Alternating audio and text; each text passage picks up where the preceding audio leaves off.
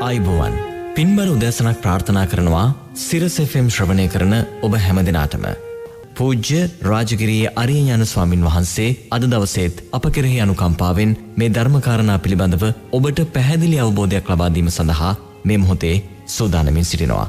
අවසරයි ස්වාමීණි අද දවසේ වැඩසටහන ආරම්භ කරමින් පළමුුවෙන්ම ඔබහන්සේගෙන් මවිමසන්නට සූදානම් වන්නේ පසුගිය දින කිහිපේ තුළදී මේ සමාජ මාධ්‍යෝස්සේ සංසරණය වෙච්ච ඡායරූප පෙළක් පිළිබඳවයි. යම් කෙනෙකු විසින් මේ ඡායරූප පෙළ සමාජ මාධ්‍ය වෙත නිකුත් කර තිබුණේ ඔවුන් සූදානම් කළ දානයක් පිළිබඳවයි. ඇතෙන්ම ස්වාමින් වහන්ස මේ ඡායරූප දුටුවහම අපි දැක්කදේ තමයි මේ දාන ඉතාම ප්‍රනීතාකාරයෙන් එවගේම බොහොම පිළිවෙලට නිවැරදිව සකස් කරලා ඒ දානය පිළිගන්වලා තිබුණා. මේ ඡායාරූප පෙළ දැකීමත් එක්ක බොහෝ දෙනෙක් මේ දානය සමඟ ගැටෙන්න්නට පටන් ගත්තා. මේ වගේ කාලයක විශේෂෙන්ම අපි බොහොම බරපතල ආර්ථිකර්බුදයක ඉන්න කාලෙක මෙවැනි දානයක් ලබාදීලා ඒ ඡායාරූප සමාජමාධ්‍ය වෙත නිකුත් කළ හම බොහෝ දෙනෙක් ඒ සමඟ ගැටිලා යම් යම් අදහස් ප්‍රකාශ කරලා තිබුණා. ම ඔබහන්සේගෙන් ඒ පිළිබඳවයි ප්‍රථමෙන්ම විමසනට සූදානම් වන්නේ මෙවැනි දානයක් ලබාදීම සහ එය අන්න අයට ප්‍රදර්ශනය කිරීම කියන කාරණාව ලෝතුරා බුදුපාණන් වහන්සේ දේශනා කළ දහම තුළ අපිට කෙසේද විස්තර කරන්නට පුළුවන් වන්නේ. අවසරයි ස්වාමීණී. බුදුරජාණන් වහන්සේ දේශනා කරන මාත්‍යයෝ විසිතුරු විසිතුරුදේ පූජා කරන්නාට විසිතුරු විසිතුරුදේ ලැබෙනවා කියලා. ප්‍රනීත ප්‍රනීතදේ පූජා කරන්නාට ප්‍රනීත ප්‍රනීතදේ ලැබෙනවා කියලා. ලස්සන ලස්සනදේ පූජා කරන්නාට ලස්සන ලස්සනදේ ලැබෙනවා කියල. ඒක දානේ ආනිසංසයක්. දැම් බුදුරජාණන් වහන්සේ ජීවමානෝ වැඩසිට්ටි කොසොල් රජතුමා අසිදිසිධානයක් පූජා කරනවා. එතොර මේ අසිදිසිධානය පූජා කරන්නේ කොසොල් රජතුමාගේ බිසව මල්ලිකා දේවිය. තොර මල්ලිකා දේවයේ අසිදිසිධානයට රහතන් වහන්සේලා පන්සීයක් ප්‍රමුඛ ලෝතුරා බුදුරජාණන් වහන්සේ වැඩඉන්න ඕනේ. ඇතුන් පන්සීයක් ඉන්න ඕනේ. රාජ්‍ය කන්‍යාවන් පන්සීයක් අර සේසත් මුතුකුඩ ඔසවාගෙන ඉන්න ඕනි. එතකොට ඒ වගේ කෝටි ගානක් ධනය වැය කරලා පූජා කලා වූ දානයක්. එතකොට දැම් බුදුරජාණන් වහන්සේට ප්‍රමුඛ මහා සංගරත්වයට මේ මල්ලිකා බිසව කොසොල්රත්තුමා සමක මේ අසිදිසිධානය පූජා කරද්‍ය අසිදිසිධානය කියන මහත්වව සම්මා සම්බුද්ධ ශාසනයකට එක්කනයි දෙන්නේ දෙන්නෙත් දෙන්නේ නැහැ. එක ප්‍රාර්ථනා කරගෙන එයා පාරමී පුරාගෙන එන්නේ ඒ ආපු කෙනා තමයි මල්ලිකා බිසව. අද මේ ලෝකේ ඉන්න ලොකුම සල්ලිකාර මහත්‍යයා තීරණය කොළොත් ම අසිදිධානයක් දෙනවා කියලා කවදක්වත් ඒක අර දෙන්න බැයිට අදාළ සාධක නැහැ. එතොට මේ අසිදිසිධානය පූජා කලාට පස්සේ කොසල් රම්තුමාගේ ඇමති මණ්ඩලේ ඇමතිවරු දෙන්නෙක් අදහස් දෙකක් ප්‍රකාශ කරනවා. එක ඇමතිවරේ කියනවා කොසොල් රජතුමා මේ කළේ මහා දන විනාසයක්. කොසොල් රාජ්‍යයේ මෙච්චර දුප්තාවන්න මෙච්චර කන්න නැතිව මිනිස්සු ඉන්න පුළුවන් මේ අයට පහසුකන් සලසන්න නැතුව මේ කලා වූ වියදම මහා නිෂ්පල කාරයක් කියල. තව ඇමති කෙනෙක් මේක වර්ණා කරනවා කොසොල් රජතුමා මේ පූජා කලා වූ සුන්දරදානය සම්මා සම්බුද්ධ ශාසනයට ශක්තියක් සම්මා දිට්ටියට ශක්තියක් කර්මය කර්මඵල විශ්වාසය ඇතිකර ගන්නා වූ ලෝකයාට ශක්තියක් මේක දානයේ පිළිබඳ ලෝකයාට දෙන්නා වූ පූර්වා දර්ශයක් කෙලේ ආයක වර්ණා කරන. මේක බුදුරජාණන් වහන්සේට කියන කොසල් රජතුමා. බුදුරජාන් වහන්සේට කියන භාග්‍යවතුන් වහන්ස බලන්නක මං මේ අසිදිසිධානය පූජා කලාට පස්සේ මගේ බිසව මේ වගේ මගේ ඇමතිවරු දෙනෙක්ම මේ ආකාරයෙන් දෙයාකාරයක අදහස් ප්‍රකාශ කිරීම කලා කියල. ඒ වෙලා බුදුරජන් වහන්සේ දේශනා කරනවා මහත්තයෝ මේ අසත්පුරුෂ පුද්ගලයා තමා දන් දෙන්නෙත් නෑ අනුන් දෙන දානය වර්ණා කරන්නේ නෑ කියලා. තමන් දන් දෙන්නෙත් නෑ අනුන් දෙන දානය වර්ණා කරන්නෙත් නෑ කියලා බුදුරජාණන් වහන්සේ අර දානය මේ විවේචනය කරපු ඒ මහත්මයා පිළිබඳ බුදුරජන් වහන්සේ දේශනා කරන්න එතන එක අසත්පුරුෂ ධර්මයක් කියලා. දැන් කෙනෙක් බුද්ධ පූජාවක් දැකල ප්‍රනීතව විසිතුරුව ලස්සන්ට පූජා කලාව බුද්ධ පූජාවත් දැකලා මහත්තයෝ බයිනෑ ඉන්නවා. මොකද බුදුරජන් වහන්සේ නියසිලට පස්්ටිකක් කරන්න කියනවා මහනෙන වෙපමනයි සද්ධාව සකස් කරගෙන ඉන්න කියලා. අනිත් මහපොලවේ පස් ප්‍රමාණයට අසද්ධාව තුළයි ජීවත්වෙන්. මහනෙන මේ නියසිලට ගන්න පස් ප්‍රමාණයයි නැවත සුගතිගාමී වෙන්නේ. පොලවේ පස් ප්‍රමාණයට සත්වයා මැරිලා දුගතියටයි යන්න. එතෝට මේ බුදුරජාන් වහන්සේ පෙන්නෙන නියසිලේ පස් ප්‍රමාණය කියන මොකක්ද. මේකට තමයි සද්ධාව කියල කියන්නේ. මොකද මේ කෝටි ප්‍රකෝටිගානක් ජනතාව ජීවත්වෙන මේ සමාජයේ සද්ධාව සකස් කරන්තියන මේ නියසිලේ තියෙන පස් ප්‍රමාණට. එතකොට මොකක්ද සද්ධාව කියලා කියන්නේ පන්සල් යනවා බුද්ධ පූජාව තියෙනවා එමනැත්තන් සිල් සමාදං වෙනවා පින්කම් කරනවා කියලා සද්ධාව ඇතුනා කියලා බුදුරජන් වහන්සේ අපිට කියන්නේ නැහැ. සද්ධාව කියලා බුදුරජාණන් වහන්සේ තෙරුවන් කරේ සද්ධාව කියලා අපිට කියන්නේ යමෙක් චතුරාර්ය සත්‍ය තුළ ජීවිතය විසරෝල දකීද. චතුරාර්ය සත්‍යයන්ට අදාළව ජීවත්වේද. ඔහු තමයි සද්ධාව ඇති කරගත්ත කෙනා. එතොට චතුරාර් සත්‍ය කියන මොකක්ද එක දුක සත්‍යය. එයා දුක තමා තුළින් දකිනවා. මොකක්ද දුක ජාති ජරා ව්‍යාදි මරණ සෝක පරිදේව දුක්ක දෝමනස්ස ප්‍රියන්ගෙන්වේමීන අප්‍රියන්නා එක්වීම පංචුපාදානස් කන්ද දුක. දෙවැනි ආරි සත්‍යති බුදුරජන් වහන්සේ කියනවා ඔබ තුළ දුක තියෙනවා නං ඒගෙන මහත්ව දැන් අපි තුළ ජාති ජරාව්‍යාදි මරණ දුක තියෙනවද නැද්ද ඒනම් අපි තුළ දුක තියෙනවානම් දෙවැනි ආර සත්‍ය වන දුකට හේතුව තුෂ්නාව අපි තුළ තියෙනවාද නැද්ද අනිවාරම තියෙන. උකුමක් කරේ තුෂ්නාවද රූපවේදනා සංඥා සංකාර විඤ්ඥාණයන් කරේ තුෂ්නා. එනම් දුකත් අපි තුළ තියෙනවා දුකට හේතුව තුෂ්නාවත් අපි තුළ තියෙනවා දුක නැති කරන්න නම් මොකක්ද අපි නැති කරන්න ඕනේ තුෂ්නාව නැති කරන්න. තුෂ්නාව නැතිකිරීමේ මාර්ගය මොකක්ද ඔය කාරණා හතර තමයි චතුරාරය සත්‍යය. එතොට යමෙක් මේ කාරණා හතර තුළ තමන්ගේ ජීවිතය විසරවා දකීද ඊට අදාළව ජීවත්වෙයිද ඔහු තමයි තෙරුවන් කෙරේ සද්ධා වැති කරගත්ත කෙනා. දුක දැකලා දුකට හේතුව තුෂ්නාව දැකලා දුක නැතිකිරීම තමා තුළින් මයි කියල දැකලා දුක නැතිකිරීමේ මාර්ගය ආරෂ්ඨාංගික මාර්ගය තුළ ගමන් කරන්නා තමයි මේ බුදුරජාණන් වහන්සේ නියසිලට අරම් පෙන්න්නන පස්්ටික තුළ ඉන්න තෙරුවන් කෙරෙයූ සද්ධහවසකස් කරගත්ත කෙනා. ඒමනම් මහත්තයෝ බුද්ධ පූජාවක් සුන්දර විසිතුරු ලස්සන බුද්ධ පුංජාවක් කලා කියලා පසසන පිරිසද වැඩිවෙන්න ඕනේ විවේචනය කරන පිරිසද වැඩිවෙන්න ඕනේ. විවේචනය කරන පිරිසයි මොකද මහත්ව මෙපමණයි සද්ධාවරන් මහපොළවේ පස් ප්‍රමාණයට අසද්ධාව තුළ. ඒනම් මහත්තෝ විවේචනය කරන පිරිස බුදුරජාණන් වහන්සේගේ කාලෙත් වැඩි මධ්‍යස්ථ කාලෙත් වැඩි වුණා අදත් වැඩි හෙට මීටත් වඩා වැඩි වෙනවා. එතකොට දැන් කෙනෙක් චතුරාරි සත්‍ය තුළ ජීවිතය විසරෝල දැක්කට පස්සේ මහත්වයා එක තෙරුවන් කෙරෙයූ සද්ධාව. එක තෙරුවන් කෙරේ වූ සද්ධවයා චතුරාර් සත්‍ය තුළ විසරෝල දකිද්‍යයා දකිනවා. බුදුරජාණන් වහන්සේ නමක් බෝධිසත්වයින් හැටියට සාරා සංක කල්ප ලක්ෂ ගානක් මහා සාගරයේ ජලයට වඩා රුදිරය දන්දීල තියෙනවා. මහ පොළවේ පස්වල්ට වඩා ශරීරමාස දන්දීලා තියෙනවා. බිසවක් බිරිඳක් රටක් රාජ්‍යයක් කුමක්ද තිබුණේ සියල්ල දන්දීලා කුමකටද මාත්‍යයෝ මේ උතුම් චතුරාර් සත්‍ය අවබෝධය උදෙසා. එනම් මහත්තයෝ තෙරුවන් කෙරෙහි සද්ධාව කියන අර්ථය තුළ අපිට මේ උතුම් චතුරාරි සත්‍ය මතු කරලා දෙන්න.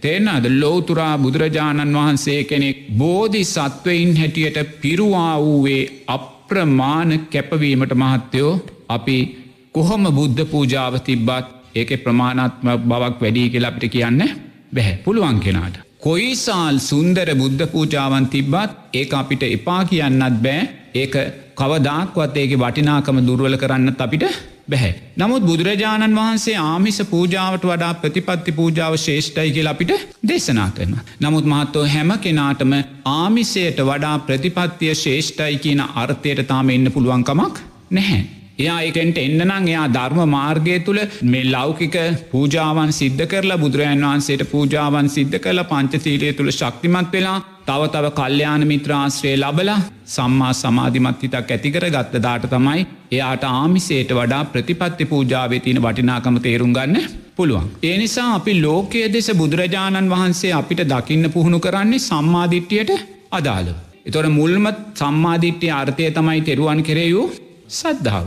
එතොර බුදුරජාණන් වහන්සේට වඩා ශේෂ්ඨ උත්තමේ බුදුරජාණන් වහන්සේට වඩා ශේෂ්ඨ සාස්තුන් වහන්සේ කෙනෙක් බුදුරජාණන් වහන්සේගේ ධර්මයට වඩා ශේෂ්ඨ මාර්ගයක් අපිට නැහැ. බුදුරජාණන් වහන්සේගේ ශ්‍රාවකයාට වඩා ශේෂ්ඨ සාාවකයන් වහන්සේ කෙනෙක් අපිට නැහැ. එනිසාමාත්තු ඒ උතුම් තෙරුවන් සද්ධාව තුළ ඉඳලා සම්මාධිත්‍යය ඊළඟට වැඩෙන්න්නේ මොකක්ද අපි තුළ කර්මය කර්මඵල විශ්වාසය. කර්මය කර්මඵල විශ්වාසය. ඉතින් මාත්ව ඒ කර්මය කර්මඵල විශ්වාසය තුළ හෙට මට බඩගින්න ඉන්න සිද්ධ වුණොත්. ඒකට මාත්‍යයෝ රජය පලි නැහැ. මේ රටේ ආහාර ඇමති කුෂිකර්ම ඇමති පලි නැහැ. තමයින දායකයෝටික පලි නැහැ. මට බඩගින් ඉන්න සුද්දනානං මන් සංසාරයේ සංඝ්‍යාව බඩගින්න තියලා තියෙනවා. සාරා සංක කල්ප ලක්ෂ ගානක් දානපාරමිතා උප්පිරූ බුදුරජාණන් වහන්සේට අර තුම් මාසයක් එක බමුණෙක් වස්සාරධනා කල්ලා දන් පූජා කළේ. නෑ හොඳ වෙලාවට අස්ස බෙලෙන්දවගයක් ඒ ගමේ පදිංචි වෙලා හිටිය. අස්වයන්ට කන්න දීලා ඒගොල පෝෂණය කරමින් මාතු ඒ අයගෙන් ලැබුණා වූ සුළු ආහාරයක් තමයි කැඩ හදලා බුදුරජාණන් වහන්සේල ප්‍රමුඛ මහාසංගය ඉතිනිති බුදුරජන් වහන්සේ වස්සාරාධනා කරපු බමුණට චෝදනා කරන්නගේ නැහැ. වස් හමාර කරලා වස් පවාරණය කරලා ආනන්ද ස්වාමීන් වහන්සේට බුදුරජන් වහන්සේ කියන ආනන්ද තුම් මාසයක් අපිට වස්සාරාධනා කරපු පුද්ගලයා අපි ගැන සොයලා බැලුවේ නැහැ අපිට දාන වේලත් දුන්නේ නමුත් අපි යුතුකමක් තියෙනවා මේ ගමෙන් පිටවෙන්නේ ඉස්සෙල්ලා අපි ආව කැඳවෙලා අපි පිටවෙන බව දැනුම් දෙන්න ඕනෙ කියලා. ගිල ආනන්ද ස්වාමීන් වහන්සේට කියනවා ඒ බමුණායගේ දෙට්ට ගිහිල්ලා දැනුම් දෙන්න කියලා. එතට තමයි මේ බමුණාර මාරාවේශයෙන් මිදිලා තෙන්න දෙයාට සිහිපත් වනේ අනේ මම් වස් ආරාධනා කලා ස්වාමීන් වහන්සේලාට සැලකුවේ නෑ කියල සිව්පසේ. ඊට පහුවදා චීවර පූජා කරලා දානෙ පූජා කරලා ඒ අවසාන පින්කම කරලා තමයි බුදුරජාණන් වහන්සේ ගමෙන් සමුවරගෙන යන්නේ. නමුත් ඒ සමුගෙන අද්දේත් බුදුරජාණන් වහන්සේ තුම්මාසයක් ඒ ආහාර හිඟවීම පිළිබඳ අර අහිංසක බමුණාට දොස්කිව්වේ ඒ අහිංසක බමුණාට මාරාවේ එතන මාරාවේශ කියන්නේ යාගේ අකුසලේ තුළයාගේ හිත ශක්තිමත් වනා ඒ නිසා මෙයාට අකුසල් විතර්ක නිසාම දානය පූජ නැහැ. එතකොට මාරයා තුළේ අකුසල් සංස්කාර ශක්තිමත් වනේ කුමක් නිසාද? බුදුරජාණන් වහන්සේ ප්‍රමුඛ මහා සංගරත්නයට අතීතයේ සිදුවනා වූ යම් අකුසලයක් විපාගෙට ආව. එනිසා මහත්තයෝ මේ මොහොතේ යම් පින්වත් සාමීන් වහන්සේ කෙනෙකුට දානය දුර්වල වෙලා තියෙනවනම් යම් පින්වත් ගිහි පින් වෙතකුට ආහාරයේ දුර්වල භාවයක් තියෙනවනං ඒවා අපි කරගත්තාවමා කුසල් සංස්කාර. ඒක තමයි ධර්මය. මේක පිළිගන්න මේ නියසිරේ තින පස් ප්‍රමාණයට.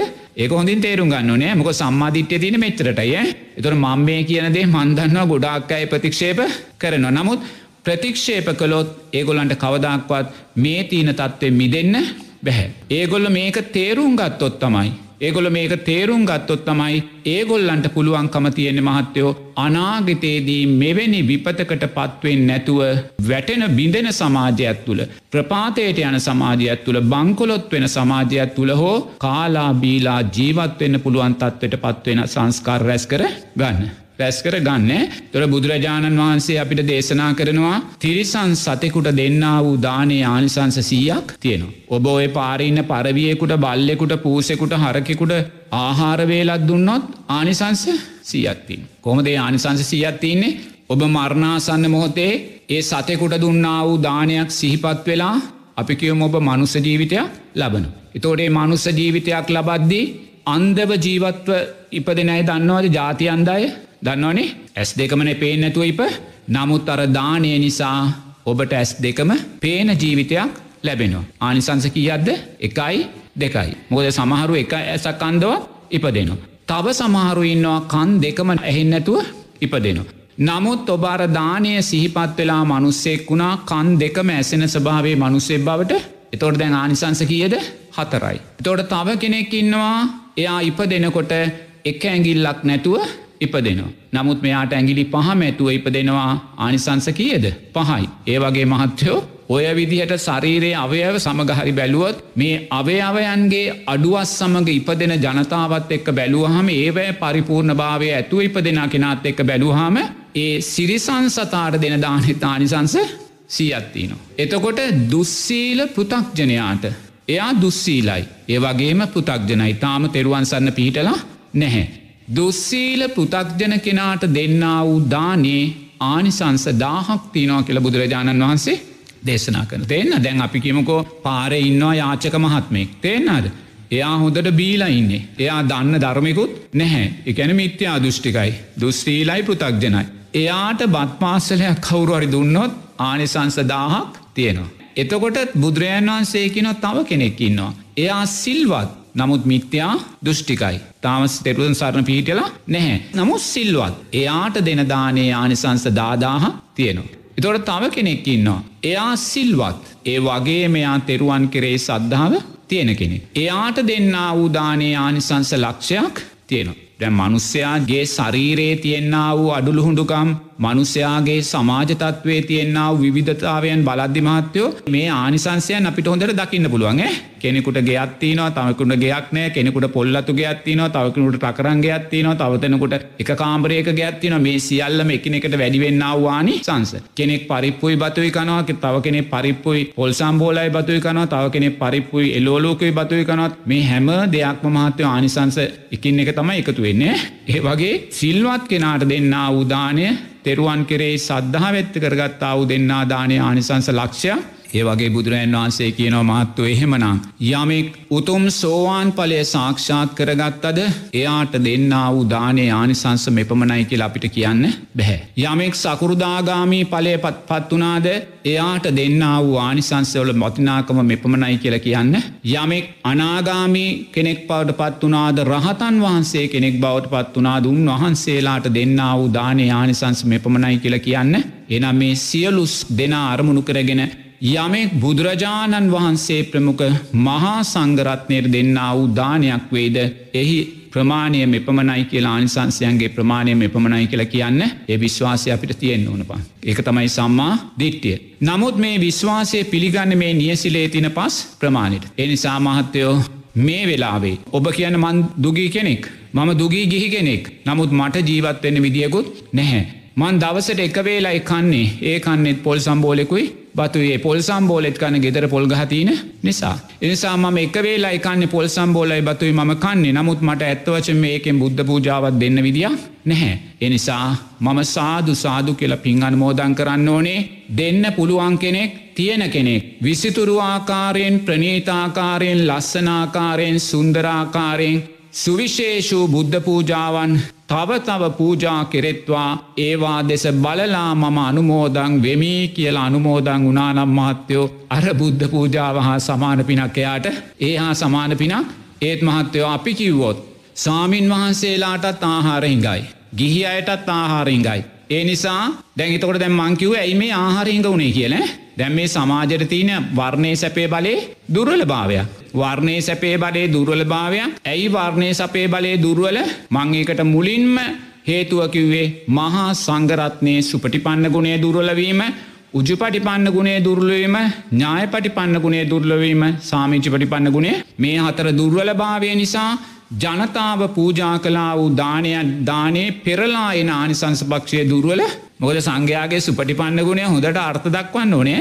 කොහොමද අර්ථ දක්වන්නේ? සංඝයා සුපටිපන්නයි කියන්නේ සංඝයා කාමයන්ගේ නිසරු භාවය දැකලා සංඝයා සංසාර බය දැකලා සංඝයා ගිහි ජීවිතේ පලිබෝධ බව දැකලා සංඝයා සංසාර බිය සංසාර ගැඹුර සංසාර දුර දැකලා ගිහි ජීවිතය අතහැරලා උතුම් පැවිදිියප සම්පදාවට අන සංඝයාගේ සුපටි පන්නගුණේ සංඝයාගේ උජු පටි පන්නගුණේ කියන සංඝයා දුක තුනේ කරන රිජු මාර්ගය වන ආර්ෂ්ඨාංගික මාර්ගය තුළ ගමන් කරන. වෙන මාර්ගය කොළ ගමන් කරන්නේ සල්ලි හම්බු කරන මාර්ගවල වෙන වෙන දේශපාලන මාර්ගවල වෙන වෙන සමාජ සේවා මාර්ගවර කුෂිකර්ම මාර්ගොල ගමන් කරන්නේ ශ්‍රජු මාර්ගය වන ආරෙෂ්ඨාංගික මාර්ගය තුළ ගමන් කර. ඒළඟට සංඝයාගේ ඥාය පටිපන්න ගුණේ ගැන සංඝයාගේ එකම ඉලක්කය සංඝයාගේ එකම බලාපොරොත්තුව ආර්යෂ්ඨාංගික මාර්ගයේ ශක්තිමත් කරලා සම්මා සමාධිමත් හිතක් ඇතිකරගෙන ලෞකික ඥාන ලෝකෝත්තර ඥාන ජීවිතයට එකතු කරගන්න. මොනාද ලෞකික ඥාන? චුතූපපාත ඥාන පූර්වේ නිවාසානුස්ස ඥාන දිව්‍යසෝත දිව්‍යචක්කෝ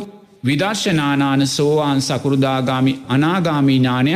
එතකොට මෙන්න මේ සංඝයාගේ සුපටිපන්න උජුපටිපන්න ඥායි පටිපන්න ගුණයන්ගේ දුර්වලභාවය නිසා ජනතාව අපිට දෙන්න වූ දානයන්ගේ ඒ නව් පෙරලා ආනිසංස පක්ෂය දුර්වල වෙලා දිය. දෙවැනි කාරණය අනිවාර්යෙන්ම ජනතාව දන් දෙන කෙනා දන්දුන්නා දන් නොදෙන කෙනා මහත්‍යයෝ ක්‍රමාණුකූලව දානය කියන අර්ථය ජීවිතයෙන් ඇත් කර ගත්. මොකොද සංඝයාගේ සුපටිපන්න ගුණේ දුර්වලතාවයන් දැකලා සංඝයාගේ උජු පටිපන්න ගුණේ දුර්වලතාවයන් දැකලා සංඝයාගේ ඥාය පටිපන්න ගුණේ සාමීචි පටිපන්න ගුණේ දුර්වලතාවයන් දැකලා ඒගොල්ලො ක්‍රමාණුකූලෝ දානයෙන් බැහැරට ගිය.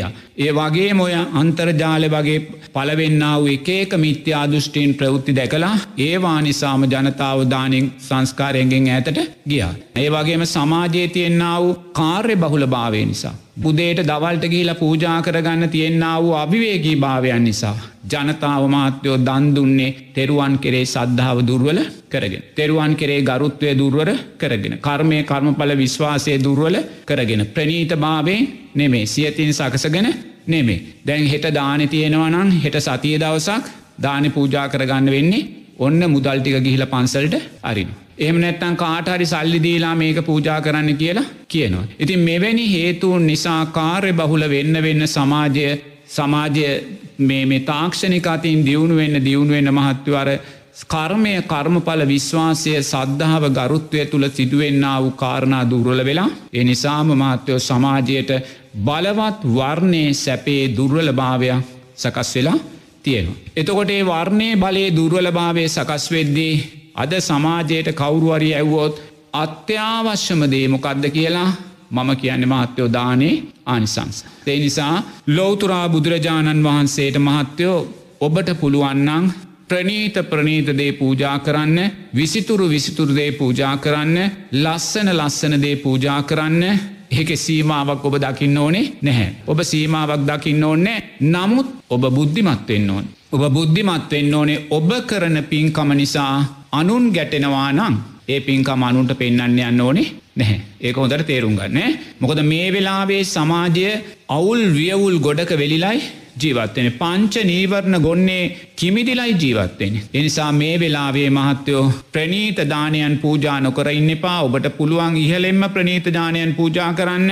නමුත් ඒ දේ ඔබේ සත්පුරුෂ සම්මාධිට්්‍යය විශ්වාස කරන කර්මය කර්මඵල විශ්වාස කරන දානේ ආනිසංසපක්ෂය විශ්වාස කරන පිරිසට පමණක් ඒක පෙන්නුවොත් තේරනාද. අර බහුතරයක් කරගන්නා වූ බලවත් අකුසල්වලින් ඒ අයෝ මිදෙව්වා වෙනවා. නමුත් බුදුරජාණන් වහන්සේ කොතනකුවත් අපිට අනුන් අකුසල් කරගන්නවා කියලා අපේ කුසලේ නවත්තන්න කියලා කියලා නැහැ ඒක මං පැහැදිලිව කියනුවේ බුදුරජන් වහන්සේ කියලා තින අපිට සම්මාධිට්්‍ය අර්ථයන් කියල දෙන්න කියලා. තේන්න අතිතු අනිත් ලෝකයා මේ නියසිලෙන් පස්සිකෙන් බැහැරව ඉන්න ඒක පිළිගන්නෑ කියලා මහත්තයෝ අපි කරනදේ හංගල කරන්න ඕනේ නැහැ. අපි නොකර ඉන්නත් ඕනේ නෑ එහෙම කරන්න අවශ්‍යනය එහෙමනම් මහත්ව දානය අතුරු දහන් වෙලායාවි. දානය අතුරු දහන් වෙලා ගියොත් දානය අර්ථයන් තව තව දුරල වෙලා ගියොත් දන් නොදී ගියොත් මුළු රටටම් බඩගින්න්නනවා. එනිසා මේ වෙලාවේ මහත්තයෝ සමාජයට අත්‍යවශ්‍ය එක කර්මය කර්මඵල විශ්වාස ඒක තියෙන සම්මාධිට්්‍යයට. දෙක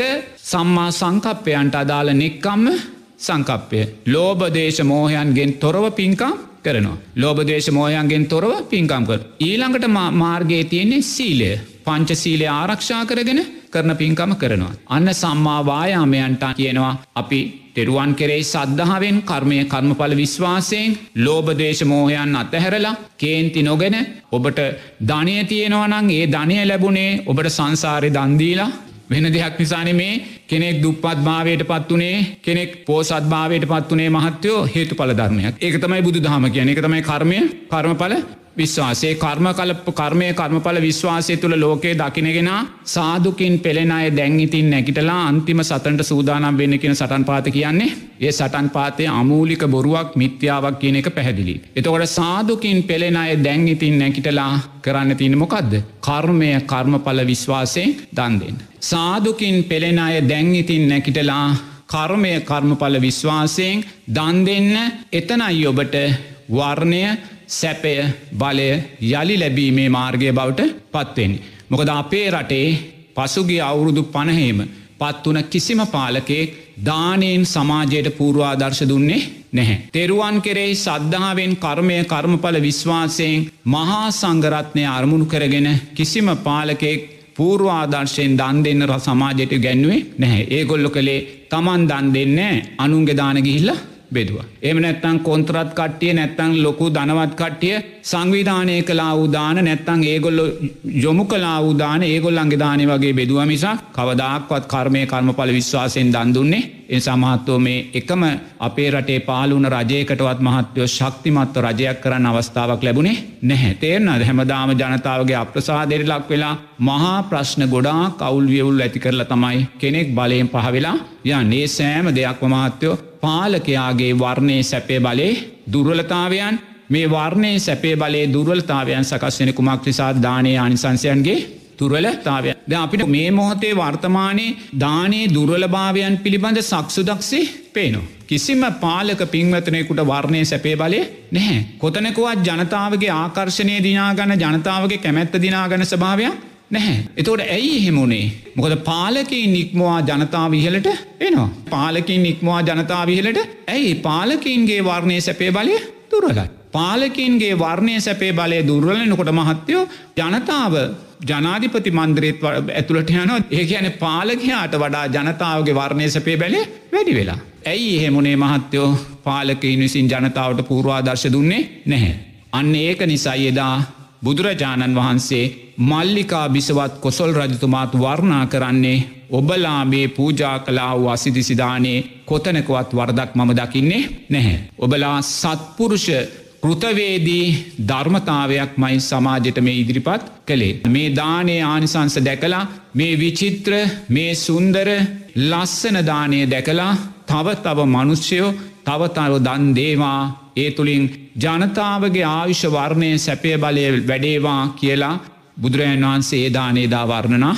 එසා බුදුරජාණන් වහන්සේ මහත්‍යයෝ එවන් සුන්දර ප්‍රනීත දානයන් වර්ණනා කලානං තේරනාද අද මට එක කරන්න එපා කියල කියන්න බැ. නමුත් ආමිස පූජාවට වඩා ප්‍රතිපත්ති පූජාව ශේෂ්ටයි. නමුත් ප්‍රතිපත්තිය තුළත් මහත්තයෝ බුදුරජාණන් වහන්සේ කවදක්වත් ආමිසය හතරින්න කියලා අපිට කියන්නේ නැහැ. ඒ නිසා ආමිසය තුළ ශක්තිමත් වෙලා ලෞකික මාර්ගය තුළ ශක්තිමත් වෙද්දි කෙනෙක් ඔය ආමිස පූජාවන් කරේ තියෙන්න්න වූ කැමැත්තයාගේ වැඩි හැම කෙනම නිවන් අවබෝධ කර ගන්න කැමති නැහැ කැමගෙනම් සෝවාන් පලට පත්වෙන්න කැමති සමහරු කැමති සුවසේ දන්දීලා ඊළඟ ජීවිතේ සුවසේ දෙවියෙක් සුවසේ සුන්දර මනුස්සෙක් වෙන්න. එතෝට එයාටේ අයිතිය තියෙන්න ඕනේ ඒ අයිති අපිට පා කියන්න බැහැත්. එයාටේ අයිතිය තියෙන්න්න ඕනේ නමුත් මහත්තයෝ අපි තේරුම් ගන්න ඕනේ මේ උතුම් ධර්මයන් තේරුම් ගන්න පුළුවන් මේ නියසිලේ තින පස්පමානයට පමණයි. මහපොලවේ තියෙන පස්පමානයට අසද්ධාව තුලා ඉන්නේ එනිසා මහත්තයෝය කොයිසා සුන්දර විසිතුරු පූජාවත් තිබ්බත් පසසන පිරිසට වඩා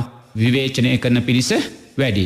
නමුත් ඒ විවේචනය කරන පිරිස වැඩී කියලා කිසි කෙනෙක් තමන් පූජා කරන්න වූ දානයන් තමන් පූජා කරන්න වූ විසිතුරු බුද්ධ පූජාවන් මහත්තයෝ නොකර ඉන්නනම් එපා. ඔබ නොකර හිටියොත් ඔබත් අර පිරිසගේ ගොඩටම වැටෙනවා. හරිද එන්සා මාත්‍යයෝ මන් නැවතත් කියනවා කරන පින්කම තෙරුවන් කෙරේ සද්ධාවෙන් කරන්න තෙරුවන් කෙරේ ගරුත්තයෙන් කරන්න කර්මය කර්මඵල විශ්වාසයෙන් කරන්න ප්‍රනීතව සියතින් සකසායේ පින්කම් කරන්න කවුරු බැන්නත් සුවපත් වේවා කියලා හිතා. ඒවගේම ස්වාමිනි දැන් මේ දිනවල බොහෝ දෙනෙකුට තියෙන ගැටලුවක් තමයි තමන් මෙතෙක් කාලයක් දානේ පූජා කරපු විදිහටම තමන්ට බුද්ධ පූජාව පූජා කරගන්නට පුළුවන්කමක් ලැබිලා නැහැ. සමහරවිට ගෙදර දොරේ තියෙන වියදම් අධික ලෙස වැඩි වෙලා තියෙන නිසා බොහෝ දෙනෙක් මුලින්ම බුද්ධ පූජාවේ කොටසෙන් යම් ප්‍රමාණයක් ඉවත් කරලා දන් දෙන්න පුරුදු වෙලා ඉන්නවා. මේකෙන් අපිට සිද්ධ වෙන කුසල සහ අකුසල විපාකයන් පිළිබඳව ඔබ වහන්සේගෙන් මේ මොහොතේදී විමසන්නට කැමතියි. අවසරයි ස්වාමීනි. මහත්මයා මගෙන් අහන්නේ මේ කාලේ ජනතාව තුළ තියෙන්න්න වූ ආර්ථික ප්‍රශ්න නිසා ජනතාව බුද්ධ පූජාව පූජා කරන පින්වතුල්ලා සමහරු බුද්ධ පූජාව දැන්තියන්නේ නැහැ. සමහරු ඒක ප්‍රමාණාත්මකව කාලක් අඩු කරනවා. තව කෙනෙක්කින්නවා ප්‍රමාණාත්මකෝ භාගයක් අඩු කරනවා. තව කෙනෙක්කින්නවා ප්‍රමාණාත්වක කාලක් අඩු කරනවා තව කෙනෙක්කින්නවා බුද්ධ පූජාව සම්පූර්ණයම නතර කළදාන්න.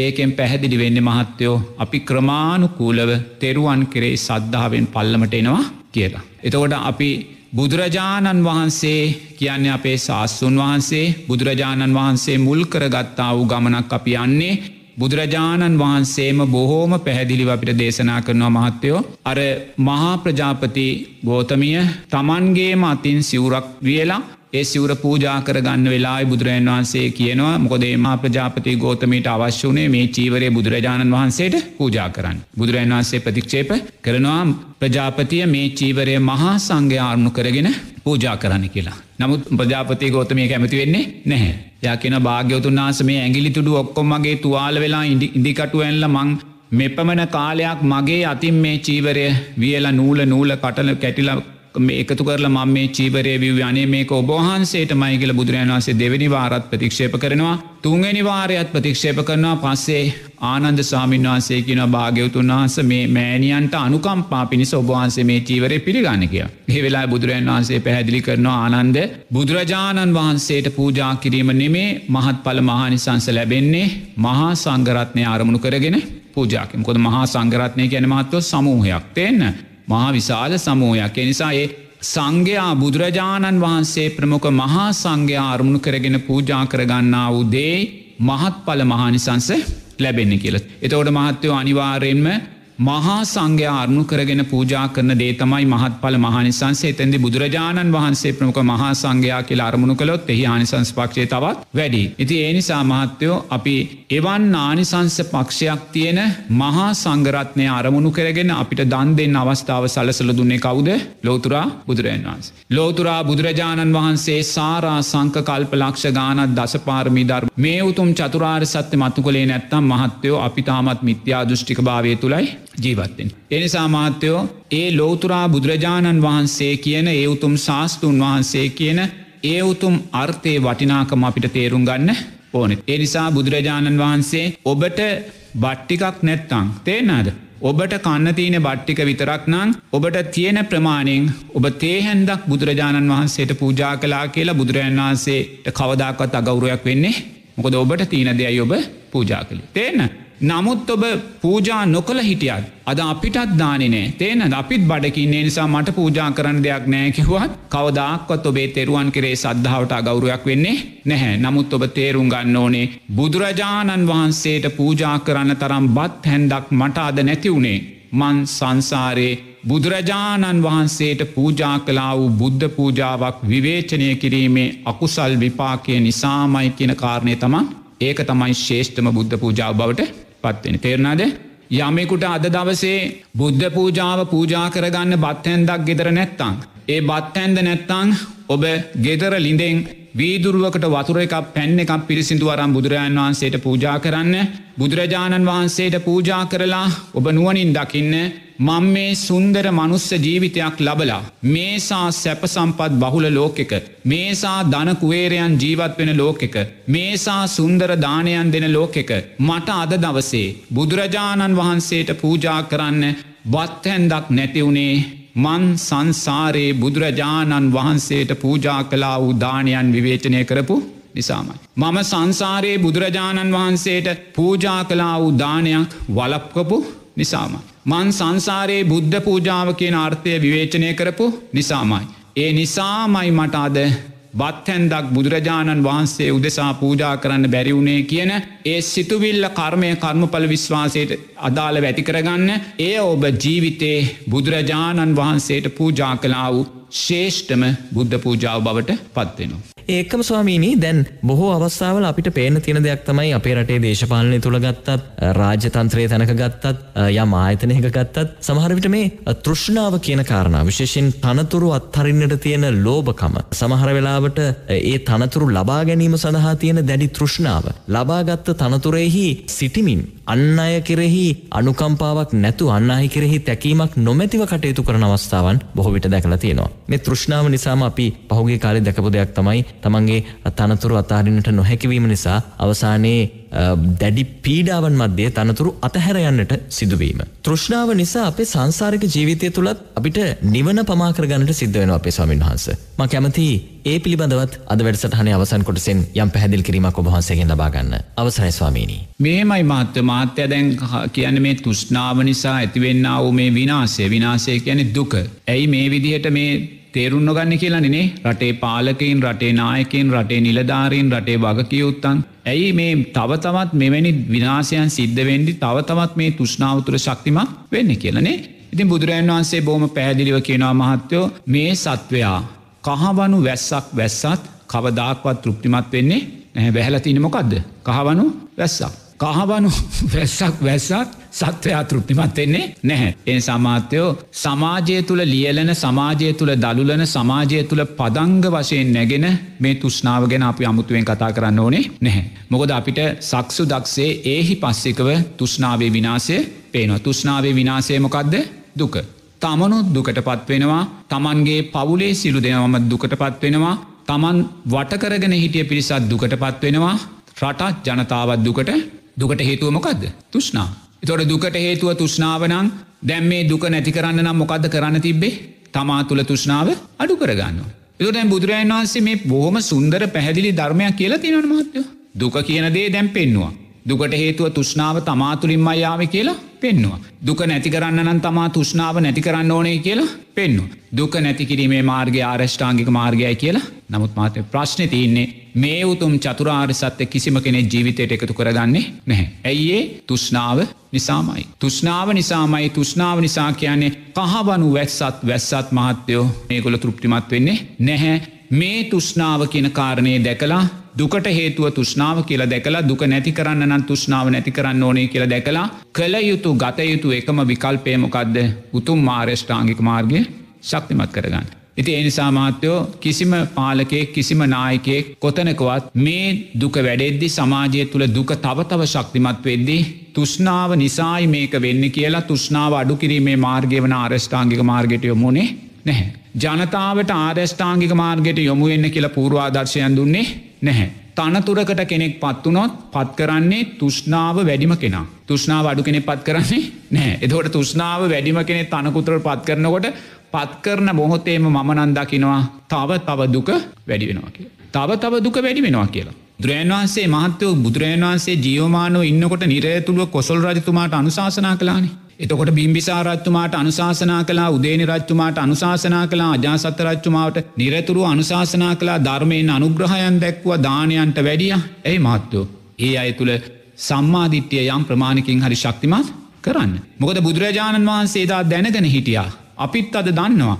මේ සම්මා සම්බුද්ධ ශාසනයේ ආරක්ෂාවට ශක්තිමත් රජ කෙනෙකුගේ අත්තේ අවශ්‍යභාවය තිබීම අත්‍යවශ්‍යයි කියලා. මොකද අද වර්තමානයේ රජවරු දුර්වල වෙන්න දුර්වල වෙන්න ප්‍රධානම අභියෝගය බවට පත්වෙන සම්මා සම්බුද්ධ අදමාත්ව ශාසනයට ගහන්න තින පැති සියල්ලෙන්ම ගහන. සංඝයාට සිව්පසේනය සංඝයාට සිව්පසේන නැත්නිසා සංඝයා වැරදි ආජීවයන්ට පෙළබෙන කුෂිකර්මාන්තයට යන සත්පාලට යන රැකියාවල්ලොට යොම වෙන එන්න. තවතව ජෝතිශයි වැරදි විද්‍යාවන් පැත්තට යොම වෙන දේශපාලනය පැත්තර තවතව යොම වෙන.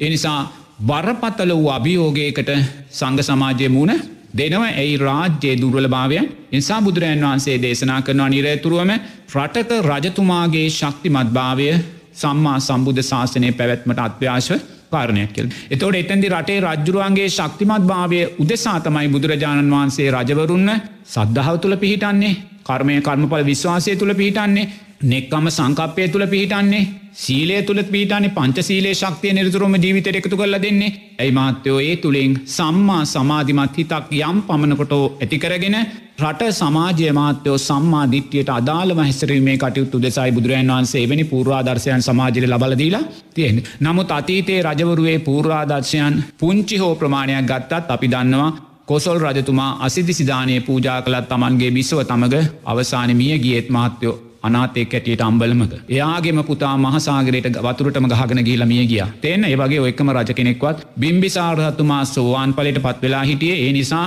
බිම්බිසාරත්තුමා සෝවාන් පලට පත් වන දෙවියෙක් ඇටියට දිවතලයක ඉපදුනත් ඒ ඉපදුනෙත් මාත්‍යව අර සස්ත්‍රීක සුන්දර දෙවියෙක් හැටියට නෙමේ තේන සතරවරම් දෙවියන්ගේ අර යක්ෂ ස්භාවේ දෙවියෙක් හැටියට සෝවාන් පලට පත්වෙච්ච සේනල් ඇයි?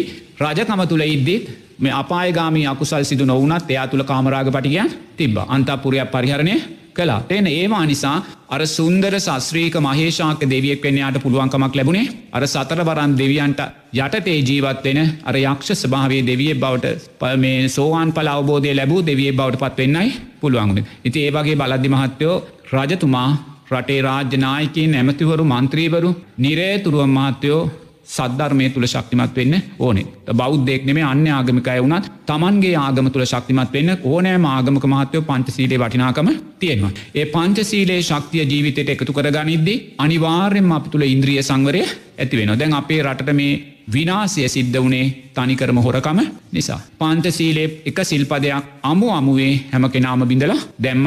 එහි විපාක අනුව හොරකම යම් තැනක සිද්ධ වනාද දුස්සීල භාවය යම් තැනක සිද්ධ වනාද ජනප්‍රිය භාවය හීන වෙනවා අභියෝගයන්ට මුණදීමේ ශක්තිය හීන වෙනවා බවබෝග සම්පත් ආර්ථිකය වැටෙනවා. මාත්වයි විපහක තමයි සමස්ත සමාජයම මූුණ දුන්න. එන්න එනිසා තුෂ්නාව කියන කාරණයේදී ඕනෙම රාජ්‍යනායකෙක් තේරුම් ගත යුතුයි. අදින් පස්සේ පීමෙන රාජ්‍යනායකෙක් වුණත් කරුණා කරලා තනතුරුවලට පත්වනකොට ඇමනිකම් මන්ත්‍රීකං වලට පත්වෙනකොට මේ පලපුරුද්ධ විතරක් බලන්න එපා. මෙයා මුලයිදං ඇමති වුණා මන්ත්‍රී වුණා කියන කාරණය මේ තනතුරුවලට පත් කරදි මහත්තයෝ තුෂ්නා වඩු පිරිස පත් කරන්න.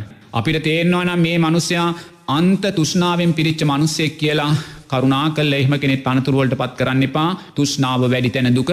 වැඩිවෙන. තුෂ්නාව වැඩි තැන දුක වැඩිවෙනවා නමුත් මහත්තයෝ මේ පවතින ක්‍රමය තුළ මේ මනාප ක්‍රමය කියෙන මනාප ක්‍රමය තුළ මහත්තයෝ මේ දේශපාලනයට ගොඩ වෙන්නේ මේ සමාජයන තුෂ්නාව වැඩිම පිරිස.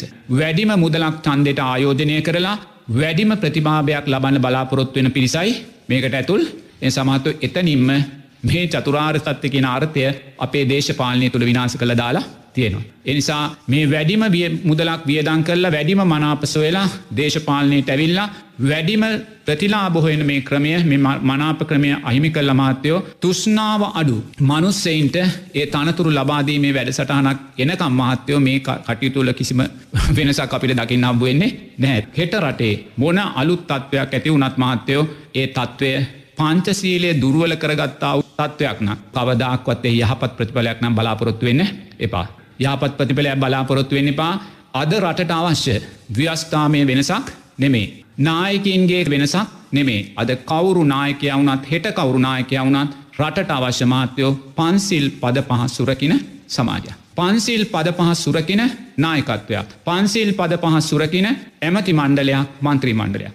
මේ පන්සිල් පද පහ කියන අර්ථය නැතුව මොන ව්‍යස්ථා සංසෝධනයක් කළත් ජනාධිපති ඕන්නෑ ජනාධිපති පාර්ලිමේන්තුව අගමැති වෙන්න ඕනේ ජනාධිපති බලතල අඩුවෙන්න ඕනේ මාත්‍යයෝ මේ කිසිම දෙයක් මේ අද සමාජයට අවශ්‍ය. මේවා සියල්ලම මහත්තයෝ මේ තියෙන ක්‍රමේ තව තව කල්මරමින් අරංයන්න ඇතිකරගන්න වූ විනාසයන් පමණයි. අද රට අවශ්‍ය කිසිම ව්‍යස්ථා වෙනසක් නෙමේ අද රට අවශ්‍යමාත්‍යයෝ පංචසීලයේ සුරකින නායකත්වයක් පංචසීලයේ සුරකින ඇමති මණ්ඩලයක් මන්ත්‍රී මණ්ඩලයක් ඒ තුළින් ජනතාවට පංචසීලේ පූර්වාදර්ශයන් දෙන සමාජයක්. ඒ වගේ මයි මාත්‍යයෝ පංචසීලයෙන් තමන් පූර්වාදර්ශ දුන්නා කියන කාරණයෙන් විතරක් සීලේ පරිපූර්ණ වෙන්නේ. ඔබලා නායකින් පංචසීලය සුරකිනවානං අනිවාර්යම මාත්‍යයෝ මේ රටේ විශේෂ අධිකරණයක් ඇතිවෙන්න ඕනේ. ඒ විශේෂ අධිකරණය යම් තීන්දුවක් මාස තුනක් ඇතුළට දීලා අදින් පස්සේ කාටවත් තොරකං කරන්න බැ. අතීතේ හොරුවල්ලන්න යන්න ඕන්න එක කවදාක සිද්ධ වෙන්නේ නෑ. නමුත් අදින් පස්සේ අපි පංචසීලය සුරකින සමාජයක්